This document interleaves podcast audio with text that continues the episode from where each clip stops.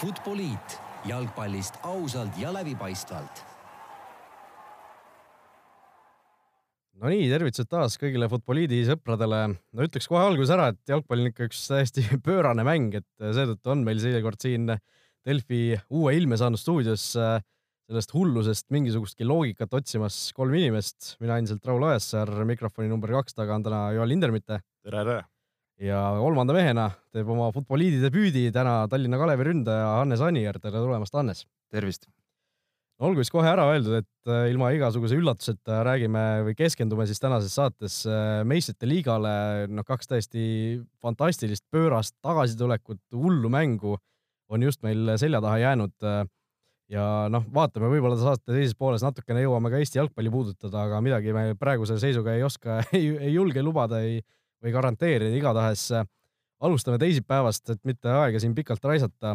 neli protsenti oli siis väidetavalt enne avaväljet äh, statistika äh, igasuguste saitide andmetel Liverpooli edasipääsu šansid.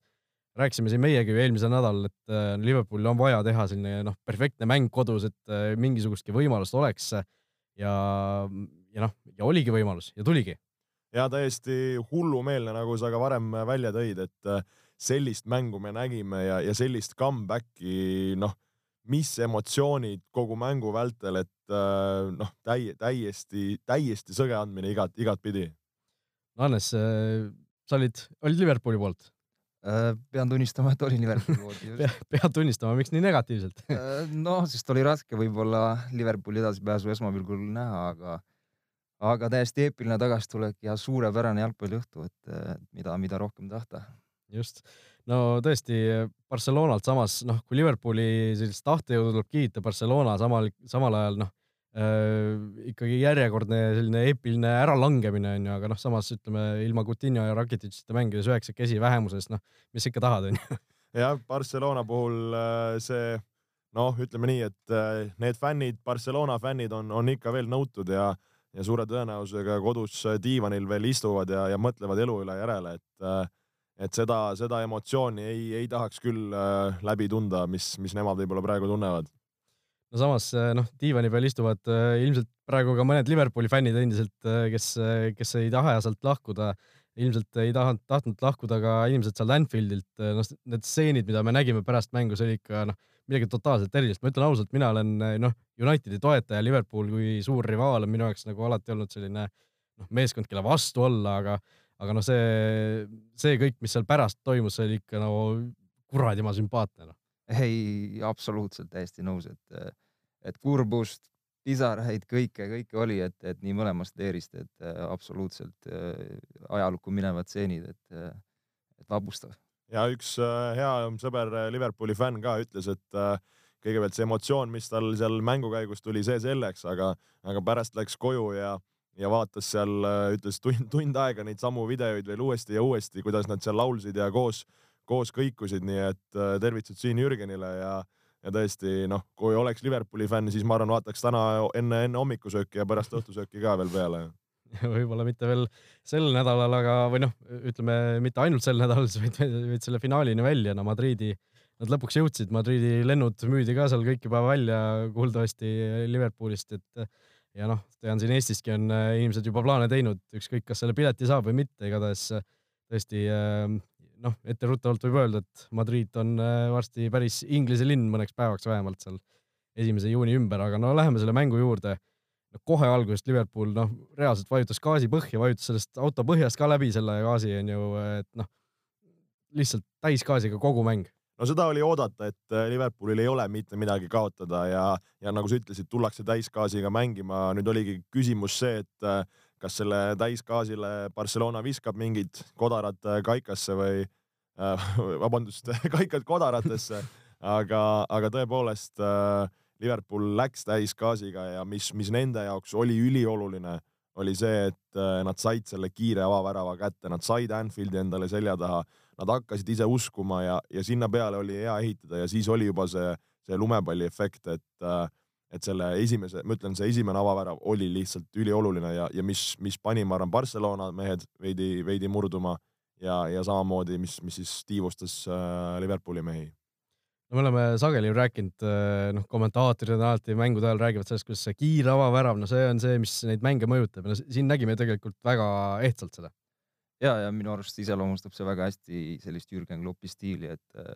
et väga-väga kiirelt said need äh, mehed tööle ja, ja kohe alguses sellise, sellise tahtmise, tuhina, emotsiooniga, mida, mida oli nagu lust vaadata, et äh, täiesti, täiesti imeline. Nojah, see, kuidas Jordan Henderson seal mängu alguses noh, igale poole jõudis, Sadio Mane pani seal kaitses, tegi mingisuguseid äh, noh vahelt lõikeid umbes oma kasti juures, kolme sekundi pärast oli seal teisel pool väljakut teise kasti juures juba, et noh, see kõik, see energia, noh, see oli selgelt näha, et see meeskond uskus ja noh, pärast kui lugesin neid, mis Jordan Henderson oli näiteks pärast mängu öelnud, onju, et ta, ta oligi rääkinud sellest, kuidas noh, Klopp oli, oli see mees, kes,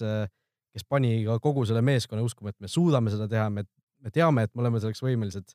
ja noh, kokkuvõttes ikkagi ülimalt vääritud edasipääs ka. jah, Dejan Lovren oli ka mees, kes äh, uudiste vahendusel siis seda mainis, kuidas Klopp suutis nad, äh, nad üles äh, kütta, et, et see on treeneri oskus, treenerid on erinevad, kes on võib-olla taktikaliselt tugev, kes on selline man management, kes on hea motiveerija, et, et Klopp tõesti suutis suurepärase atmosfääri luua ja ja jalgpall on, ükskõik mis spordiala, on väga psühholoogiline mäng ja kui sul vajutatakse õigeid nuppe siis, siis sa lähedki kasvõi seinast läbi, nagu tegelikult Liverpool näitas ja, ja siis, siis head asjad juhtuvad ka. ja noh, kokkuvõttes räägime või noh, mõtleme selle peale, et kes need Liverpooli sangarid lõpuks olid, noh, Salah oli väljas, Firmino oli väljas, Divock Origi lõi kaks väravat, vahetussekund, Wijnaldum lõi kaks väravat, noh no, ja no Wijnaldum mängis üldse nagu noh, paremate päevade Pele selles mängus onju. täitsa nõus jah, üli, ülihea mäng tema poolt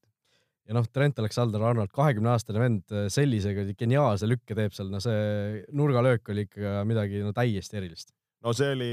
see oli mängumehe, mängumehe liigutus, et äh, kui korraks siin võib-olla veel Wijnaldumi juurde tagasi tulla, siis äh, Wijnaldum viimases mängus mängis seal sellise valeründaja positsiooni peal ja, ja tegelikult noh, ütleme ausalt, ei olnud väga hea mäng, eks, eks temal ka keeruline selles, selles rollis olla aga, aga siin samamoodi kohe sekkus kiirelt, äh, kiirelt sai selle jala valgeks ja, ja tsenderduse ajal oli mees juba kastis ja, ja, ja ohtlik. aga, aga tõesti see Aleksander Arnoldi olukord, no see on noh, oli selline, kes on videost järgi vaadanud, selline, kuidas ma ütlen, ei saa öelda õnnega pooleks, aga,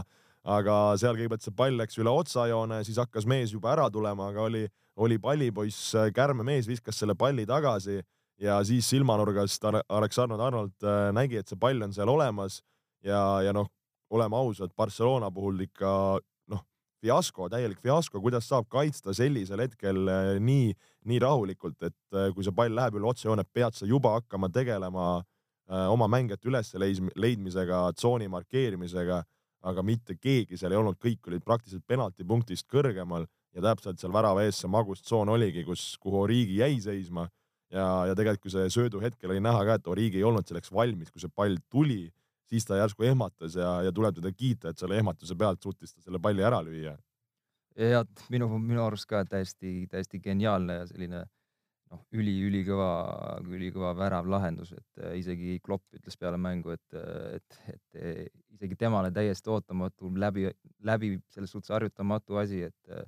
et ülikõva reaktsioon, äh, nii pallipoisid, kes väidetavalt isegi meedias on läbi käinud, et, olevat näinud siis äh, tutvustust, kuidas Barcelona võtab äh, oma karistuslööke, nurgalööke väga-väga aeglaselt nii-öelda kohad sisse, et, et kasutati kõik need võimalused ära, suurepärane pall ja milline lahendus, et, et täiesti, täiesti noh, maailmaklassi värav, pole midagi öelda. Jah, et ma lugesin ka, et Klopp oli nagu selle esimese mängu all tähele pannud, et isegi kui see otsus on nagu noh, nurgalööksid Liverpoolile või out Liverpoolile et on nagu ilmselge, siis Barcelona mehed ikka lähevad selle kohtunikuga seal midagi seletama või, või teevad midagi muud, nokivad seal nina, räägivad juttu onju omavahel, et no selle noh, värava tagant seda viimast väravat näidati ka, siis noh, Ter Stegen mingi plaksutas kuskil viie kasti nurgas sel hetkel umbes kellelegi seal ja ja noh, kõik tegelesid hoopis millegi muuga, et tõesti noh, detailid, detailides on see jalgpall äh, mõnes mõttes ka lõpuks kinni, aga noh, tõesti noh, Barcelonast räägime ka, noh, see, seda tuleb teha võõrsil mängud meistrite liigas viimasel kolmel hooajal play-off'is, no täielik košmaar. Kaks tuhat seitseteist BSG-lt saadi võõrsil null-neli kaotus, eks ju, mis pärast küll noh, tagasitulekutest rääkides, noh, meistrite ajaloo ilmselt kõige vägevama tagasitulekuga äh, kuus-üks võiduga kodus, siis see nii-öelda noh, tasandati ära, aga järgmises ringis kohe Juventuselt null-kolm võõrsil, kaks tuhat kaheksateist, eelmisel aastal äh, Rooma vastu null kolm võõrsil pärast neli-üks koduvõitu ja nüüd siis Liverpooli vastu kolm-null koduvõit ja võõrsil null-neli krahh, et mis toimub, kuidas ei suuda tipptiim niimoodi mängu kontrollida? no teame, et tegelikult need meistrite liiga võõrsil mängud on alati väga keerulised, aga, aga need skoorid ja tulemused praegu, mis sa ette lugesid, sellise tippklubi jaoks, kes, kes tahab mängida meistrite liiga karika kohta, on ikka ju noh, täielik äh, läbikukkumine ja, ja lati alt isegi ei saa sinna lati peale, tullakse otse, otse mati peale kukutakse, et äh, et see, see on ikka täiesti müstika, et äh, minu jaoks, kui seda mängu nähes, mis oli noh, tekitas endale ka mõtte, olles ise jalgpalli mänginud ja nüüd ka treenerina, et et sa oled nii-öelda tippvõistkond, sa oled harjunud mänge võitma, sul on klassi, kogemust küll, no need mehed on mänginud suuri finaale ja asju küll ja küll. ja nüüd, kui siis äh, vastasvõistkond saab selle väri, värava kätte ja, ja vastaste fännid on seal taga ja atmosfäär on suur, et kas tõesti siis lööb sellise vibra sisse või, või jala värisema või kuidas ei suudeta ennast äh, ümber siis nii-öelda organiseerida või, või saada oma mäng jälle kontrolli alla või seda mängu kuidagi tappa et see vastase tuhk, mis on üles saadud, et see, seda, seda nagu tundub, et ei olekski võimalik peatada. et eks äh, jalgpall on ka selle koha pealt selline keeruline mäng, et kui, kui see momentum lähebki ühe võistkonna poole, siis, siis see lähebki, et seda ei saa nipsust äh, ümber muuta ja, ja nüüd, nüüd hakkad ise seda mängu kontrollima. Aga jah, need teatud detailid, teatud olukorrad lõpuks kuhjuvad ja, ja siis ongi see, et kas see mäng on sinu käest läinud või mitte ja ja Liverpool on üks võistkond, kellele sa ei tohi mitte kuidagi anda seda seda e-, enesekindlust ja tuhki, sest siis sellised asjad juhtuvadki. ja olen täiesti nõus, et äh, Anfield on muidugi kohutavalt raske koht kindlasti mängida, ise küll ei ole mänginud, aga nii palju kui luge-, lugenud olen mängijate arvamustest pärast mänge ja nii edasi, et, et aga Barcelona on selles suhtes täiesti maailma tippmeeskond ja just nagu Joel ütles, sellise momentumi lõhkumine oleks pidanud olema nende ikkagi selline ülesanne, millega nad noh, eeldatavalt oleks võinud hakkama saada, aga ikkagi ei saanud, et, et see oli kindlasti suur üllatus ja, ja Liverpooli selles suhtes täiesti müts maha, et Barcelona ei ole keegi meeskond, kellele sa noh, sellist asja tegelikult eh, nagu suudad korraldada, et see, mida nad sel õhtul tegid, on täiesti fenomenaalne. Ja, ja mis minu jaoks oli veel huvitav, oli see, et et noh, kui enne mängu mõelda, milline see mäng võiks tulla, siis olin ma üsna kindel, et Barcelona ühe värava saab kätte, et äh, esimene mäng näitas, et, et seal noh, küll kodus mängides neid olukordi tekkis ja, ja tekkis väga häid ja, ja, ja kui Liverpool tuleb suure, suure jõu ja suure hurraaga, siis seda enam peaks neil olema vastupidi kontraks ruumi. Et see, et Liverpool ei, ei saanud, vabandust, Barcelona ei saanud Liverpoolile seda väravat kätte, et see noh, see muutuski mängu iseloomu ja see tegi selle võimalikuks. ja noh, muidugi tuleb siin kiita Alison Beckerit väravast, kes, kes jäi ette ja, ja tegi häid tõrjeid. kui, kui tuleb ka siin nii-öelda raputada natukene siin tuhka pähe Barcelona ründavatele mängijatele, et ei suudetud siis ka paremini realiseerida. Alisson äh, ju teist aastat järjest Barcelona vastu uskumatu tagasituleku teeb meistrite liigas, see on ka ikka noh, äh, selles suhtes, mida see mees võib tunda või teada, et, et eelmine aasta ju äh, mäletame, kuidas ta Roomas, Roomas mängis, sel aastal Liverpoolis, et et kaks aastat järjest niimoodi nii kõva võistkonna vastu välja tulla ei ole ka sugugi ilmselt paha tunne, et et aga, aga noh, Barcelona juurde tulles tagasi, siis kas kas mingil määral võib olla ka see, et, et nad ei ole nagu harjunud, ma ei tea, kaotusseisus mängima või, või, või tulema nendest seisudest välja, et noh, kui nad jäävadki taha, siis, siis neil ongi nagu selline, selline olukord, et mis me nüüd teeme? nojah, koduliigas seda ei juhtu, et nüüd nii suurelt taha jäädakse. noh, eks, eks seal kaotusseisus ka ollakse, võib-olla seal see enesekindlus ja, ja, ja tunne on, on, on selles suhtes nagu konkreetsem ja tugevam, et, et vahet ei ole, me võime siin praegu üks-null taga olla, aga küll me selle asja ümber pöörame aga kui sa oled Liverpooli vastu kaks-null taga, seal vaatad korraks ühele poole tribüüni ja teisele poole tribüüni, kus sul on äh, kamp seal kiilakaid ja segaseid röögivad täiest kõrist, siis hakkad mõtlema, et kurja, kas, kas ikka tuleme, et äh, et äh, noh, no see fännid fännideks, see on niisugune nagu omaette teema, aga, aga tõesti, et, et ei suudeta tulla ja, ja seda enda jaoks ümber keerata, see näitab, ma arvan, veidike ka mängijate sellist noh, ütleme vaimset tugevust ja, ja, ja ka enesekindlust jah, selles suhtes täiesti nõus, et Barcelonal on ju meeskonnas mängijad, kellel on kogemusi nagu kuhjaga, et tegemist ei ole ajaksija, kellest me võib-olla järgmisena rääkima hakkame, et kellele saaks võib-olla ette heita, et, et kaotatakse pea või kuidagi keskendumine, et et see on selles suhtes väga üllatav, et, et ikkagi niimoodi lastakse endale neli vastust väravat lüüa, jah. no kas on hashtag Valverde out nüüd selles suhtes, et need suured allajäämised Euroopas ei ole ainult ju tema käe all tulnud, et BSG vastu ja ja Juventuse vastu, siis oli Luis Enrique veel pukis, aga noh, Valverde olukord selles suhtes on praegu nagu päris kummaline, et neil Hispaania liiga tiitel on juba kindlustatud, nad on karikafinaalis, mängivad nüüd kas noh, mõne nädala pärast. Ja siis äh, meistrite liigas jõudsid poolfinaali, aga, aga millegipärast on selline tunne, et tema tool nagu väriseb praegu.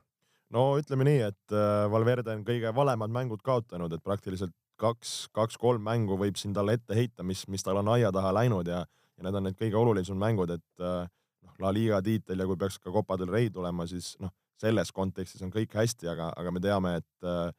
noh, tippklubide puhul ja, ja Reali ja, ja Barcelona võrdluses ja tipp nii-öelda ütleme maailma tippude vahel käib see Äh, lugemine Champions League'i karikate järgi, et mitu, palju sa seal koduliigas võidad, et äh, see on seal äh, mängu, mängumeeste karikad, et kui, kui seda kätte ei saa, siis noh, suurklubi jaoks on see pettumus. jah, et vaatasin, nägin mingit klippi ka hiljuti enne seda kordusmängu, kuidas Messi pidas Camp Nou'l mingisugust kõnet fännidele, et et ja, ja, et me neid La Liga tiitleid ja Copa del Rey'sid oleme viimasel ajal saanud küll, aga meistrite liigas on meil unfinished business, et et seal me peame nüüd äh, mehed olema, aga noh, tuleb välja, et ikkagi ei olnud piisavalt, äh, piisavalt äh, head, et seal edasi saada, et Barcelonal tõesti no on sellest ka räägitud, et no liiga Messi keskne on see mäng ja liiga, liiga ühe mehe ümber ehitatud, et no Hannes, kuidas sulle tundub näiteks, kui Messi sealt ära võtta, kas Barcelona oleks, oleks Euroopa tippmeeskond või oleks ta kuskil seal noh, natuke allpool? noh, Äh, ma arvan, et Messi kvaliteet on selles suhtes ju kõigile teada, et tegu on äh, noh, minu silmis maailma parima mängijaga, et, et teda ära võtta on kuidagi nagu noh, ikkagi niisugune liialdus võib-olla, et ta annab ikkagi ülimalt palju meeskonnale juurde, et ma ei arva, et, et ta kuidagi seda kvaliteeti nagu vähendaks siis või et paneks meeskonna meeskonnana rohkem mängima, et, et ta ikkagi, ma arvan, on hea sidus selline keskne mängija Barcelonal, et, et seda kindlasti mitte, aga mis, mis võib-olla eelmise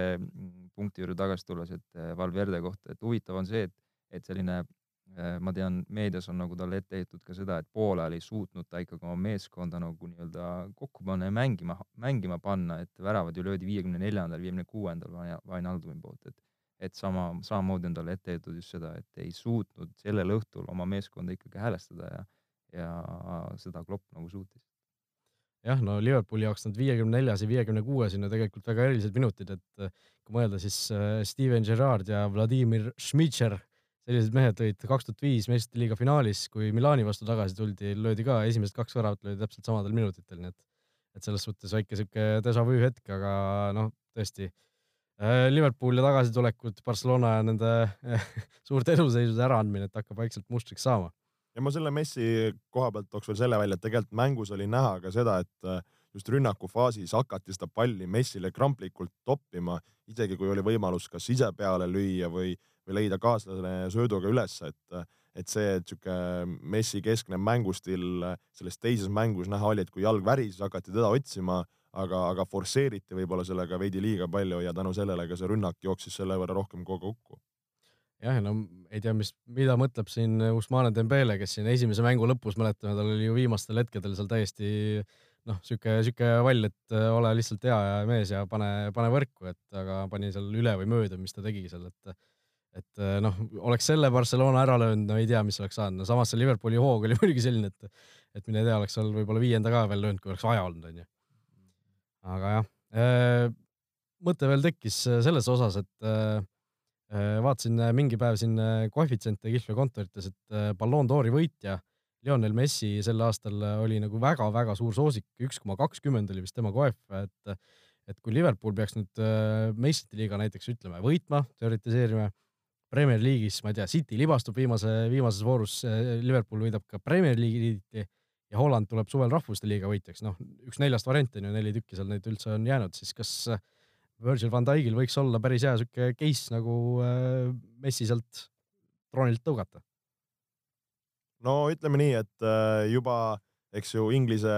nii-öelda liiga parima tiitli mehe ta sai, sai kätte, et äh, miks mitte ka seda Ballon d'Ori taga ajada, noh, täiesti massiivne hooaeg tema poolt Liverpooli, noh, me oleme seda varem ka siin podcast'is rääkinud, et Liverpooli edu üks, üks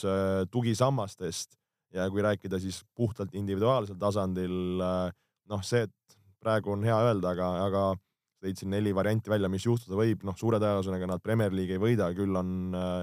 see rahvuste liiga ja, ja meistrite liiga väga noh, tõenäoline vale öelda, aga, aga päris okeid šansid. et kui need asjad peaks seal võitma, siis, siis miks mitte, et äh, et tõesti selle, selle mehe hoog on olnud, olnud meeletu ja kui me hakkame siin rääkima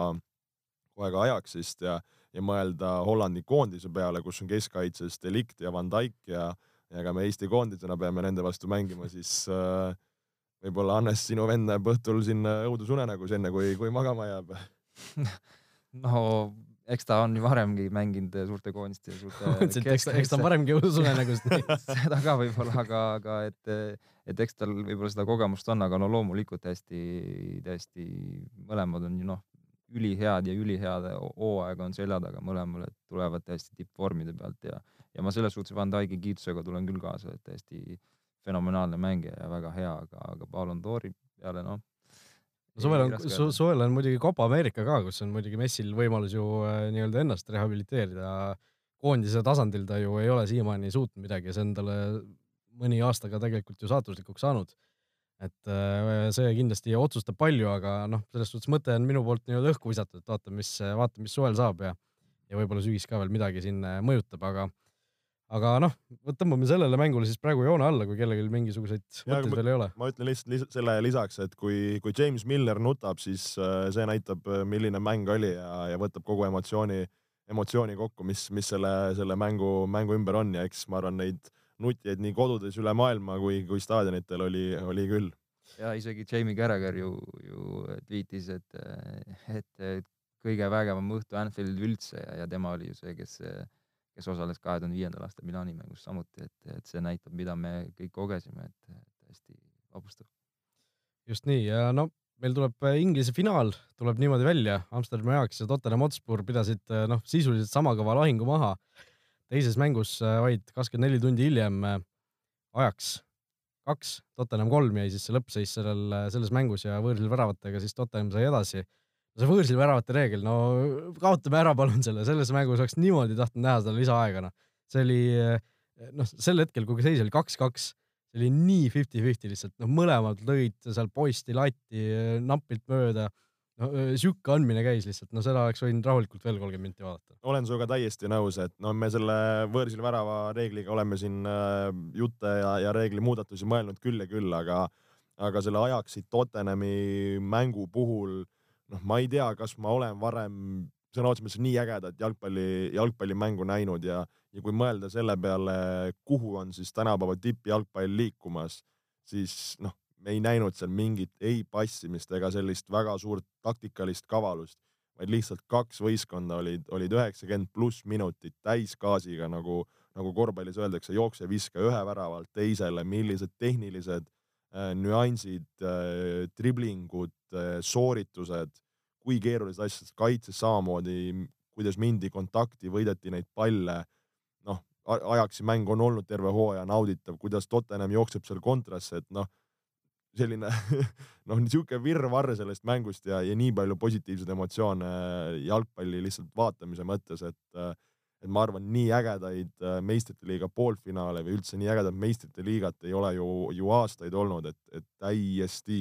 ulme, ütlen nii, noh. täiesti sekundeerin selles suhtes, et äh, vaatad mängu niimoodi, et umbes, et kogu aeg oled püsti, et, äh, et, et seda ju jalgpallis tahakski. no just, no alati on räägitud, kuidas Ajaxi see jalgpallifilosoofia on Barcelonaga sarnane ja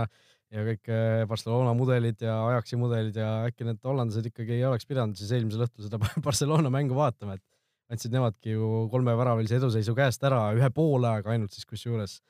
aga noh, räägime kõigepealt Tottenhamist võib-olla noh, mida see Pochettino seal poolel rääkida võis, et see, noh, see mäng ikkagi selgelt ju pöördus pärast, äh, pärast seda poolte vahetust. jah, eks äh, noh, oli, oli teada, et Tottenhamil need võimalused tekivad ja ja, ja seal on ees piisavalt kvaliteeti ja see oli üllatus, nad esimeses mängus ei suutnud olla, olla ohtlikumad. et, et see, et need võimalused tekivad, eriti kui ajaks mängib nii ründavalt, noh, see oli teada, et tuleb. ja nüüd oligi küsimus, kas nad suudavad selle ära, ära karistada ja, ja kas nad suudavad ise siis tagaasjad võimalikult korras hoida. et see, et äh, Tottenham need kätte sai ja noh, tegelikult oleks ka võinud ju ajaks saada, et nagu me rääkisime, et see mäng oleks võinud nii mõlemale poole kukkuda.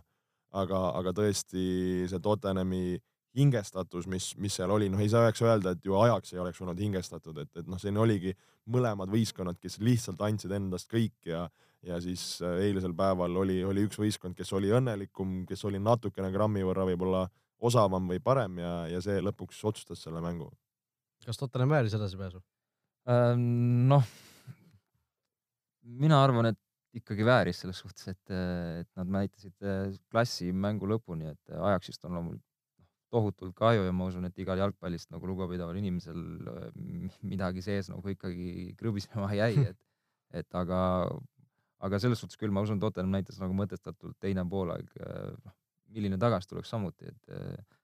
ju siis Pochettino tegi õiged käigud minu arust, mis, mis väga suure määral Tottenhami mängu muutus, oli Lorente sissetoomine, et pallid suudeti, suudeti jätta ette väga hästi ja, ja nagu viimase värava puhul nägime, siis tema oli see, kes selle võitluse võitis, milleni Lukas siis, milleni noh, lõpuks Lukaseni jõudis, et et selles suhtes Pochettinolt väga head valikud ja, ja nagu noh, nagu näitab Tottenham on edasi, et selles suhtes mina arvan küll, et vääris, aga Ajaxile noh, tohutu kiitus ja müts maha, et, et milline mäng. jah, Joel, sina ka ju selle Lorente sissetoomist siin enne, enne salvestuse algust äh, tõid välja, et oli hea käik. jah, kui me tava võib-olla jalgpallisõber arvab, et Lorente on siin äh, kaigas ja puujalg ja, ja mida, mida kõike veel lisaks, siis äh, noh, kui ta omas elemendis mängib oma mängu, et ta ei pea seal vastase liini taha kerima ja üleasteid tegema ja, ja kolme venda ette võtma, et see ei olegi tema mäng, et tema mäng on seal nende pallide pärast võidelda, neid säilitada, et, et noh, ta ronis päris palju ka sinna Blindi peale, kes on gabariidilt kaks korda väiksem, aga Blind sai isegi päris hästi hakkama. aga lõpuks noh, kui sa pead seal terve mängu madistama, siis, siis mingid olukorrad sa kaotad ja tänu sellele siis ka Lorente suutis seal Mourale need olukorrad tekitada ja, ja noh, Moura ka täiesti noh, müstika, milline tehnika, et kui me vaatame seda väravat, kus ta seal nelja-viie mängija vahel pusis, pall püsis terve aja jala juures ja siis suutis vasakuga sealt äh, võrku ära vajutada, et see on see, mille jaoks on vaja noortetrennides palju, palju tehnikat teha ja miks brasiillased on erilised, et äh, ma arvan, iga teine võib-olla jalgpallisõber, kes prooviks sarnast asja teha, kukuks seal kaks korda pikali ja, ja hea, kui pallile pihta saaks. Aga Moura vajutas sealt ära, nii et äh, noh, tõesti lüüa, lüüa hat-trick sellises faasis, noh, võtame siin mitu mütti mütsi maha ja, ja tõstame, tõstame kaabusi, et, et täiesti noh, tubli mees noh no mina mõtlesin ka, et no mida helli, et sa lööd nõrgema jalaga lööd kübaratriki äh, meistrite liiga poolfinaali kordusmängus ühe poolajaga. Äh, noh, ja see täpselt see, mis sa välja tõid, et kõikide nende väravate puhul see pall püsis tal nagu noh, jala küljes põhimõtteliselt enne, kui ta selle löögi tegi, et Hannes, sina kui ründaja, mis mõtteid selline asi tekitab, et kui sa näed, üks mees teeb sellisel tasemel sellise, selliseid trikke? no eks see näitab kindlasti oma kvaliteeti, mida ta, mida tal kindlasti on, et et pall selline ette tuleb, tema töö on see väravasse sinna võrku, võrku saisema saada ja, ja sellega sai ta väga-väga hästi hakkama, et see on puhtalt, puhtalt kvaliteedimärk, et suudad mõlema jalaga lahendada sulle ette söödetavaid palle ja, ja need niimoodi ilusti nurkadesse lüüa väravahile püüdmatult, et selles suhtes väga, väga hea mängijaga on tegu, muud, muud mul nagu öelda ei ole. päris siuke hea vend, et jah, et noh, tema poolt fenomenaalne mäng jällegi, et sama nagu Joel ütles, tantsis palliga vastase trahvikastis, äh, paigutab taha nurka selle püüdmatult jällegi, et, et ülihead lahendused, pole midagi öelda. no prantslaste L'Equipe, äh, see ajakiri või ajaleht, mis paneb seal iga noh, Prantsuse liiga mängud ja meistrite liiga suured mängud, mingid koondise mängud ka, paneb neile siis mängijatele hindeid, kellel on väga selline kõrge latt, siis nemad panid siis Lukas Moorale kümme selle mängu eest, kes ja siis äh, Muura on ühesõnaga kümnes mängija alles ajaloos, kes, kes ühe mängu eest äh, kümne hindeks saab. kusjuures sel hooajal on üks mees veel meistrite liigas kümne hindeks saanud. Äh, ma ei tea, kas te teate seda fakti, aga mis te arvate, kes see on? anna väike vihje. no ütleme siis Amsterdami ajaks on vihje. Dusan Tadic äkki või? Dusan Tadic Real Madridi vastu jah, et see oli, oli siis esimene mäng sel hooajal, kus üks mees sai kümne hindeks ja nüüd, nüüd on siis Lukas Moora ka Äh, veel saanud, et kui noh, enne hooaega oleks pidanud pakkuma, et äh, kaks meest saavad meistrite liiga kuskil äh, play-off'is kümne indeks, siis Tadicale ja Moora oleks võib-olla, noh, Tadic eriti oleks ilmselt suhteliselt taga seal listis olnud, keda pakkuda, aga tõesti nii, nii ta läks ja see meistrite liiga ei ole veel läbi, seal on üks mäng veel, finaal, kui need poolfinaalid juba sellised olid, siis see finaal võib ka väga äge tulla, aga jah, Mura ühesõnaga viies mängija, kusjuures veel, kes on suutnud meistrite liiga poolfinaalis lüüa kübartriki. Alessandro Del Piero, Ivica Olic, Robert Lewandowski ja Cristiano Ronaldo, selline klubi on siis nüüd. milline seltskond. milline seltskond, tõepoolest pole, poleks paha selliste meestega minna korraks laua taha ja natukene elust-olust rääkida. ei oleks, aga jah, ma olen selles suhtes nõus, et ülimalt sümpaatne, et, et Tadic, Lukas, et sellised võib-olla Tadic nii hästi igale jalgpallisõbrale nagu teada ei ole, et nemad eh, on, on nii-öelda noh, nime teinud või sel-. tagasi pildile mängida. no just, et, et, et sellised mehed nagu on tõusnud jällegi suurde mängu nii-öelda või iga jalgpallisõbra nagu noh, loetud artiklitesse, ütleme, et, et see on väga-väga sümpaatne ja, ja ma arvan, et selline, need mängud selleks võimaluse neile annavad ja nad võtsid selle nagu sajaprotsendiliselt vastu. ja ma siit äh, võtaks kohe sõnajärje üle ja kui me räägime siin äh, headest mängijatest, äh, siis ma tuleksin Musa Sissoko fännirongiga praegu vedurijuhina teele, et et see mees kaks mängu, mis ta, mis ta mänginud on teises mängus vahetusest, noh eelmises mängus siis vahetusest ja ka see mäng, et noh, kõik vaatavad ka selline tugev, jõuline, kiire mees ja, ja väga tehniline mees ei ole, aga aga see, kui palju ta jõuab väljakul tööd teha, kuidas ta seal vahepeal lihtsalt joostes jookseb kolmest-neljast mängijast mööda, mängib söödu, et ta ei, ta ei tee seal poolskouselikke diagonaale või, või, või mingeid muid imeasju, aga, aga mis hingega see mees mängib ja, ja tegelikult kui, kui vajalik ta võistkonnal on, et, äh, et väga-väga äge vend ja, ja hea näha, et ta on ennast selles mõttes käima saanud täiesti nõus ja et tipp, tippmängijate vastu sellise purjetava lihtsusega võib-olla mängijatest möödaminekut sa iga, iga mäng nii-öelda ei näe või jääb siis sellistesse noorteklassidesse võib-olla, kus isegi on, on, on triblatud ja niimoodi proovitud mööduda aga.... ja mäletan omal ajal noorteklassides sa armastasid väga triblada, et söötu tihti kaaslastele ei leitud, aga, aga sellest lõid ka palju väravaid eks noorteklassis oli väravate väga tähtis, aga meeskond on alati esimene, et selles suhtes ka söötu sai jagatud aga aga jah, siis Sokoga täitsa nõus, et, väga-väga ilus on vaadata, ütleme, kuidas, kuidas suudab enda tugevusi nagu enda meeskonna kasuks äh, pöörata. No tuletame veel meelde, kuskohast see Tottenham üldse tulnud on, et meistrite liiga algas ju nende jaoks täiesti kohutavalt. Äh, kaotasid seal Interile, kaotasid Barcelonale, BSV-ga tegid viigi kolme mängu ajal üks punkt. noh, sisuliselt olid juba maha kandnud selle hooaja, aga lõpuks ikkagi kuidagi oli seesama ju äh, Lukas Mura, kes äh, viigi värava Barcelona vastu lõi seal äh, võõrsil mängu, viimase alagrupi mängu lõpus siis, mis üldse Tottenhami edasi viis. Ja nüüd on siis jõutud finaali täiesti välja, et äh, ja noh, samal ajal Ajax oli ju kuskilt kvalifikatsiooniringidest üldse sinna play-off'i jõudnud, et kaks täiesti uskumatut lugu tegelikult, noh, üks pidi lõppema paratamatult, et et äh, natuke kahju on, et Ajaxi oma lõppes, aga noh, Tottenham ka tegelikult äh, sümpaatne võistkond. jah, kui korraks veel äh, Ajaxi poole pealt, siis, siis tõesti noh, ülimalt, ülimalt kahju ja ma arvan, peaaegu kogu, kogu maailm elas nende sellisele tuhka Triinu loole praegu kaasa, et see, kui see lõpuvile järgi kõlades, siis need mehed seal maha kukkusid ja, ja noh, näha oli, kui murtud nad olid, et, et seda oli tõesti kurb näha ja, ja noh, noor, noor võistkond äh, kas, kas noh, Ajaxi sugune võistkond uuesti nii kaugele lähiajal jõuab, on omaette küsimus, et kui siin juba Frenkie de Jong on minemas ja suure tõenäosusega Delikt äh, lüüakse ka rahapatakaga uju, uimaseks äh, varsti, siis äh, ja, ja ei imestaks, kui ka Tadic ja Ziyech siin kuskile minemas on, et et, et, et kas nad suudavad jälle panna nii tugeva võistkonna jälle kokku ja nii, nii kaugele jõuda, on, on omaette küsimus, et, et muidugi loodame seda, aga, aga teame, et jalgpallis neid muid faktoreid on, on nii, nii palju palju rohkem, et äh, et jah, ajaks üle nagu väga kahju, et oleks, oleks olnud äge neid äh, finaalis näha. aga, aga kui sa rääkisid ka sellest, et kust äh, Tottenham on läbi tulnud, siis äh, noh, Mauricio Pochettino mängujärgne intervjuu soovitan teil kodudes üles otsida, kui emotsionaalne, kui äh, läbipigistatud see mees kõigest oli, et seal äh, ka täiesti pisarates tänas, tänas võistkonda, ütles, nad on täielikult superkangelased, tänas oma perekonda, kes, klubi, kes on sellesse uskunud ja, ja kui raske neil on olnud äh, võrreldes muu Inglismaaga ja, ja tippklubidega, kus, kus me oleme ka rääkinud, et ei ole ju tegelikult kedagi ostetud suurt ega, ega täiendatud, et on lihtsalt pandud säästurežiimil oma meestega ja, ja, ja kuhu on välja jõutud, et see noh, see, see tuleb, äh, see, see nii-öelda, kuidas ma ütlen, see, see kirss tordil on lihtsalt nii palju maitsvam, maitsvam, kui, kui see oleks võib-olla, võib-olla muud moodi, et eh, noh, tõesti selline emotsioonide virvarr, ma arvan, noh, need mehed ei suuda nädal, nädal aega korralikult, ma arvan, magada, et, et, et ei saa aru, mis, mis juhtus. Õnneks on finaal jah natuke kaugemal, et võib-olla saab selle unerežiimi tagasi, aga noh, võib-olla siin natuke üldisem teema ka, et neid tagasitulekuid meistrite liigas oleme näinud ju nüüd noh, kasvõi sel hooajal siin äh, peaaegu äh, kahega sõrmede peal juba peab lugema neid kokku, et äh, üksteise järel, kas on nii, et kui juba midagi sellist nagu juhtunud on, noh, eriti näiteks Tottenhami puhul eelmisel õhtul vaatad seda Liverpooli mängu onju, et okei okay,, nad tulidki välja sellest, kas siis on, on nagu selline tunne, et okei okay,, et me võime ka niimoodi teha?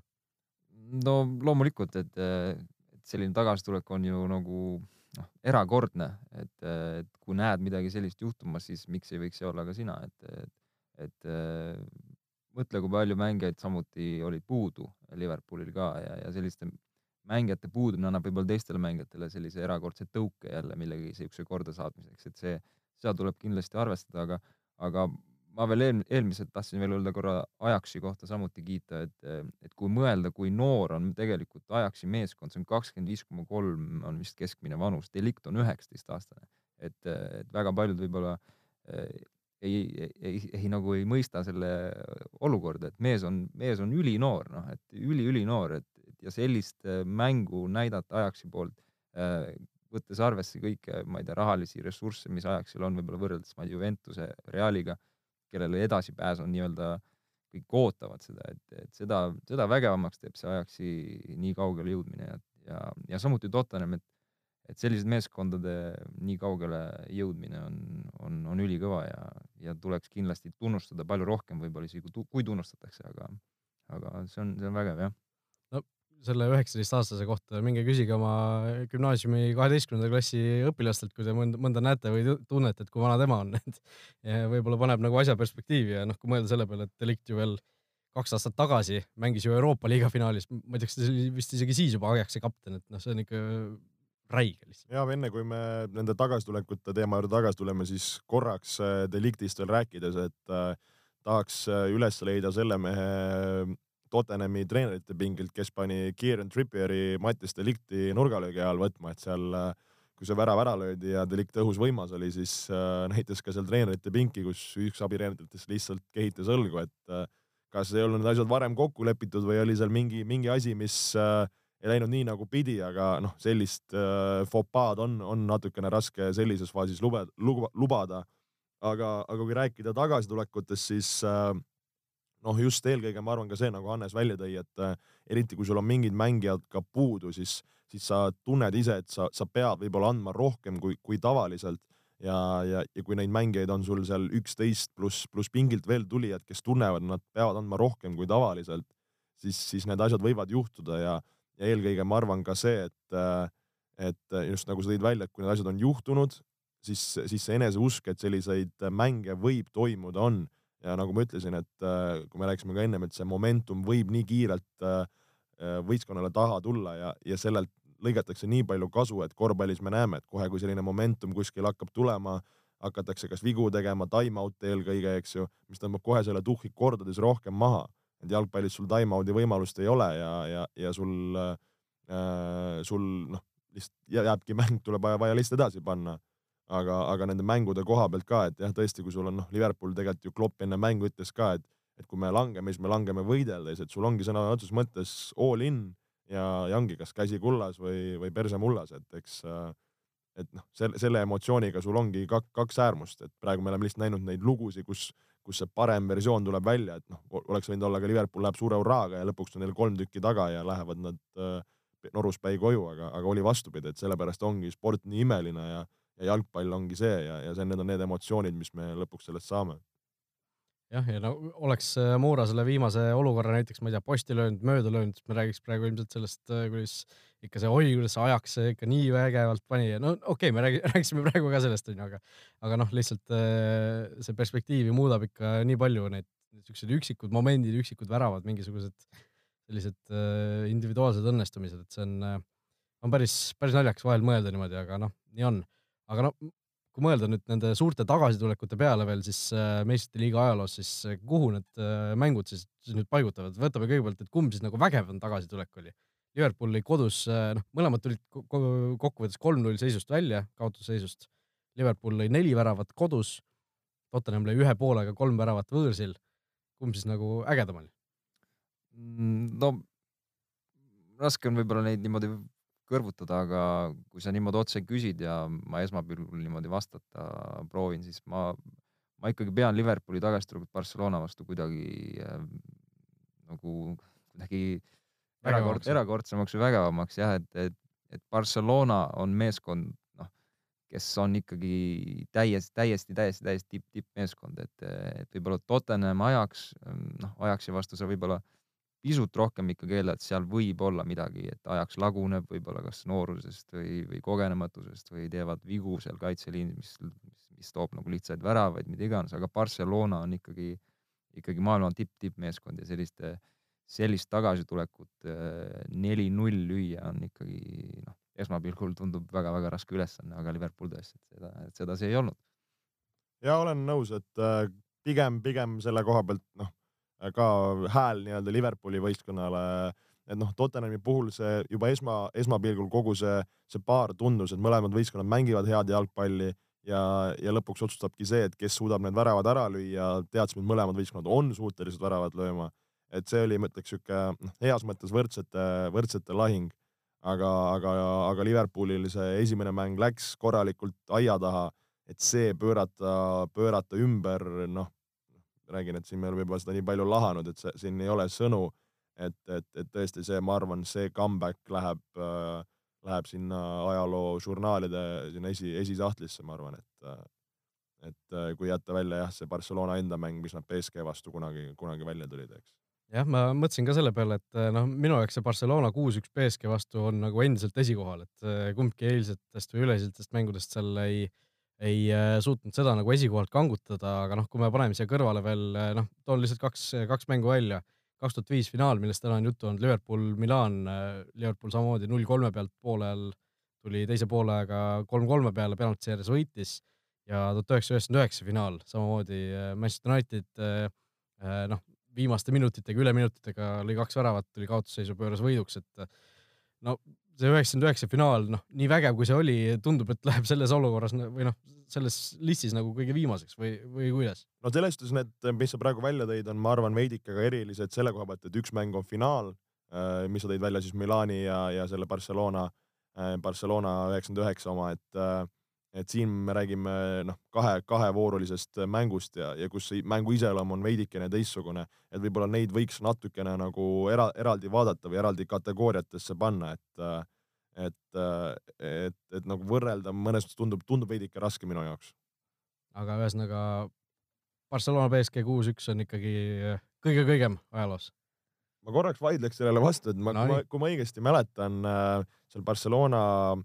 kas oli seal see viis-üks või neli-üks värav, ma nagu mäletaks, et seal oli ka mingit kohtuniku poleemikat või suluseisu. et äh, ma nüüd ei julge, julge peast öelda, aga ma nagu mäletaks, et mingi, mingi teema seal oli õhus. et kui noh, oletame, et seal varri ei oleks olnud, siis võib öelda, et seda, seda asja poleks tulnudki, aga noh, neid niimoodi võiks kogu jalgpalli ajaloo, eks ju, ülesse kaevata. aga, aga noh, see Barcelona kuus-üks äh, noh, see oli midagi ka täiesti, täiesti müstilist ja, ja, ja kuidas seal BSG lagunes, oli oli midagi ka täiesti ulmelist. aga jah, ma ei, ma ei tahaks Barcelonat sinna kõige esimeseks panna mis võib olla minu ainuke kiiks. no minu, minu võib-olla kõige suurem kahetsus selle mängu juures on see, et äh, ma arvan, et see seis oli äkki kolm-üks või neli-üks, äh, siis vaatasin, et äh, okei okay,, võõrsil värav kirjas, et äh, noh, magame ära ja läksingi et hommikul üles ärgates oli päris äh, sihuke huvitav, huvitavad emotsioonid, et vaadata, et peas kinni hoida, et kurat, Barcelona saigi edasi, et äh, miks ma nii tegin, onju et äh, jäin nagu siuksest asjast ilma, aga noh, mis teha, äh, võib-olla oligi hea, et ei näinud Barcelona siukest äh, rõõmuhetke, arvestades minu, minu muidu tundeid selle klubi vastu, et et ei olnud, ei olnud kõige hullem asi, asi, aga noh, eks ta nii ole. aga noh, meistrite liiga tõmbab joone alla või, või on veel midagi, midagi mainida? on äge mäng see jalgpall on jah. vägev. kui kunagi oli NBA-l oli see tunnuslause, et where amazing happens, siis nüüd võib rahulikult vist selle meistrite liigale kirjutada, et, et see tõesti eh, noh, midagi tõesti väga erilist on sündinud sel hooajal juba korduvalt. aga meil on natuke siin veel saateaega olemas, nii et võtame kiirelt eh, läbi ka selle, mis on siin Eesti jalgpallis toimunud ja Eesti jalgpallis on toimunud siin viimase seitsme päeva jooksul päris huvitavaid arenguid. Nõmme Kalju ja FCI Levadia on siis kaks korda mänginud, ühe korra liigas, ühe korra karikasarjas. Mõlemad kohtumised on olnud väga tulised, võtame võib-olla selle kõigepealt siis äh, esimesena ette, noh, mõlemad te ju siin Premium liigas äh, olete tegevad erinevatel ametipostidel küll, aga kindlasti äh, neid mänge jälgisite, et mis, mis muljed siis Kalju uue peatreeneri all jättis, et on nad nüüd tagasi saanud oma sellise kruuvi või, või olid need sellised juhuslikud, juhuslikud võidud? no ütleme nii, et äh, seda, kuidas ma ütlen, head emotsiooni ja, ja rõõmu purskab Kalju, Kalju mängust ja mängijatest kordades rohkem välja, kui, kui oli seda varem. et äh, eks selle, selle aluseks on olnud äh, hea, hea mäng pluss eelkõige hea tulemus, et äh, kui me mõtleme eilset seal viimaste minutitega võiduväravat, siis ükskõik kelle vastu sa viimastel minutitel võiduvärava lööd, siis see annab võistkonnale väga-väga suure laengu ja hea emotsiooni, et eriti sellises tähtsas mängus siis võib seda korrutada kahe või kolmega, et, et see, see nii-öelda ühelt poolt ja, ja samamoodi liigas, noh, nad tulid päris raske olukorra pealt sinna mängule. seal see mäng oli küll nende jaoks ülimalt keeruline, võib-olla ei domineeritud nii palju, aga suudeti oma võimalused ära lüüa ja ise, ise taga enam-vähem asjad korras hoida, et, et nii-öelda emotsionaalsel tasandil, ma arvan, Kaljule väga-väga olulised võidud ja, ja samamoodi kui vaadata nüüd Levadia koha pealt, siis, siis kindlasti neil noh, murepilved selle koha pealt küll, et need mängud nii-öelda aia taha läksid. No Hannes, sinu Tallinna Kalev läheb pühapäeval Nõmme Kaljuga vastamisi. vaatate, närite küüsi, et äh, alguses tundus justkui noh, ühe korra juba ju äh, röövisidki, röövisitegi punkti neilt, et et kas nüüd on, nüüd on olukord nagu selline, et tulevad suure revanši tuhinaga peale? noh, võib, võib oodata jah, aga, aga kindlasti selles suhtes läheme kindlasti lahingut andma nagu eelmine mäng, et, et näitasime okeid mängu, Kaljul sel päeval ei õnnestunud võib-olla asjad nii hästi, et eks, eks paberilt vaadates või, või nii-öelda eeldatavalt jalgpallisõbrad ikkagi noh, usun äh, eeldavad, et Kalju on nagu favoriit. Ja ta ongi ka favoriit, aga, aga eks me läheme kindlasti võitlema ja proovime, proovime samu, sama, vähemalt sama hea mängu teha kui eelmine kord, milles võit, võidupunktist jäime ju napilt ilma, ilma viimastel sekunditel, et et aga jah, võib-olla Kaljul, noh, ma nii palju küll kommenteerida võib-olla ei oska, aga mis kaugemalt vaadates tundub, et just vahe on emotsionaalne just jah, et, et, et selline treenerivahetus on pigem emotsionaalselt neile mõjunud väga hästi ja, ja tundub, et et asi hakkab nende jaoks nagu noh, soodsamas viisis liikuma jälle, et. no eile õhtul oli vist, eile õhtul oli siis äh, karikamäng ka, karika poolfinaal äh, Nõmme Kalju FCI Levadia, jälle järjekordne väga-väga selline kõva mäng. Levadia lõpetas, no sellist asja mina pole vist Eesti jalgpallis kordagi varem näinud, et äh, noh, tippklubi seda enam lõpetab mängu seitsmekesi neli punast kaarti, ikka täiesti absurd ju. No nii äh, emotsionaalset ja, ja no robustset mängu tõesti ei, äh, ei, ei mäletagi, et äh, aga, aga noh, selles suhtes noh, mõlemad võistkonnad on väga jõulised võistkonnad heas mõttes ja, ja, ja mängitakse korralikku meeste mängu ja, ja Levadia on näidanud ka see hooaeg, et selline noh, väga hingestatult nad mängivad, tihti on ka juhtunud seda, et mängitakse liiga hingestatult, nagu eilne mäng näitas, et et ma arvan, et seal on ka ütleme, selline Äh, piir või, või, või asi, et, et äh, noh, jalgpalli peabki mängima jõuliselt ja, ja heas mõttes piiri peal, aga senikaua, kuni see asi on nii-öelda sportlik ja, ja võitluslik, siis on kõik okei. Okay.. aga kohe, kui see asi läheb nii-öelda pahatahtlikuks või, või kuidagi vägivaldseks, et siis, siis tuleb, ma arvan, sellele asjale natukene võib-olla noh, viltu vaadata, võib-olla vale öelda, aga, aga siis nagu tuleks natuke mõelda selle üle, et see on minu isiklik arvamus, et äh, aga, aga noh, jalgpall on selles suhtes väga me teame, kirglik mäng ja, ja noh, siit on mikrofoni taga on seda lihtne öelda, aga mängus tihti need emotsioonid ja tunded keevad üle ja, ja siis on raske ennast ka, ka kontrollida. ei jah, selles suhtes nõus, et seal oli kindlasti näha, et tunded keesid lihtsalt üle, et et niikaua kui mäng jääb ikkagi sportlikuks, on ju, on ju selline kirglikkus ja hingestatus väga-väga okei okay ja peabki olema, aga aga kui seal küranukid ja asjad ja jalad-jalad ees kuskile hakatakse sisse sõitma, siis see on kindlasti ei ole aktsepteeritav, et, et seda tuleb karistada, mida kohtunik ka tegi.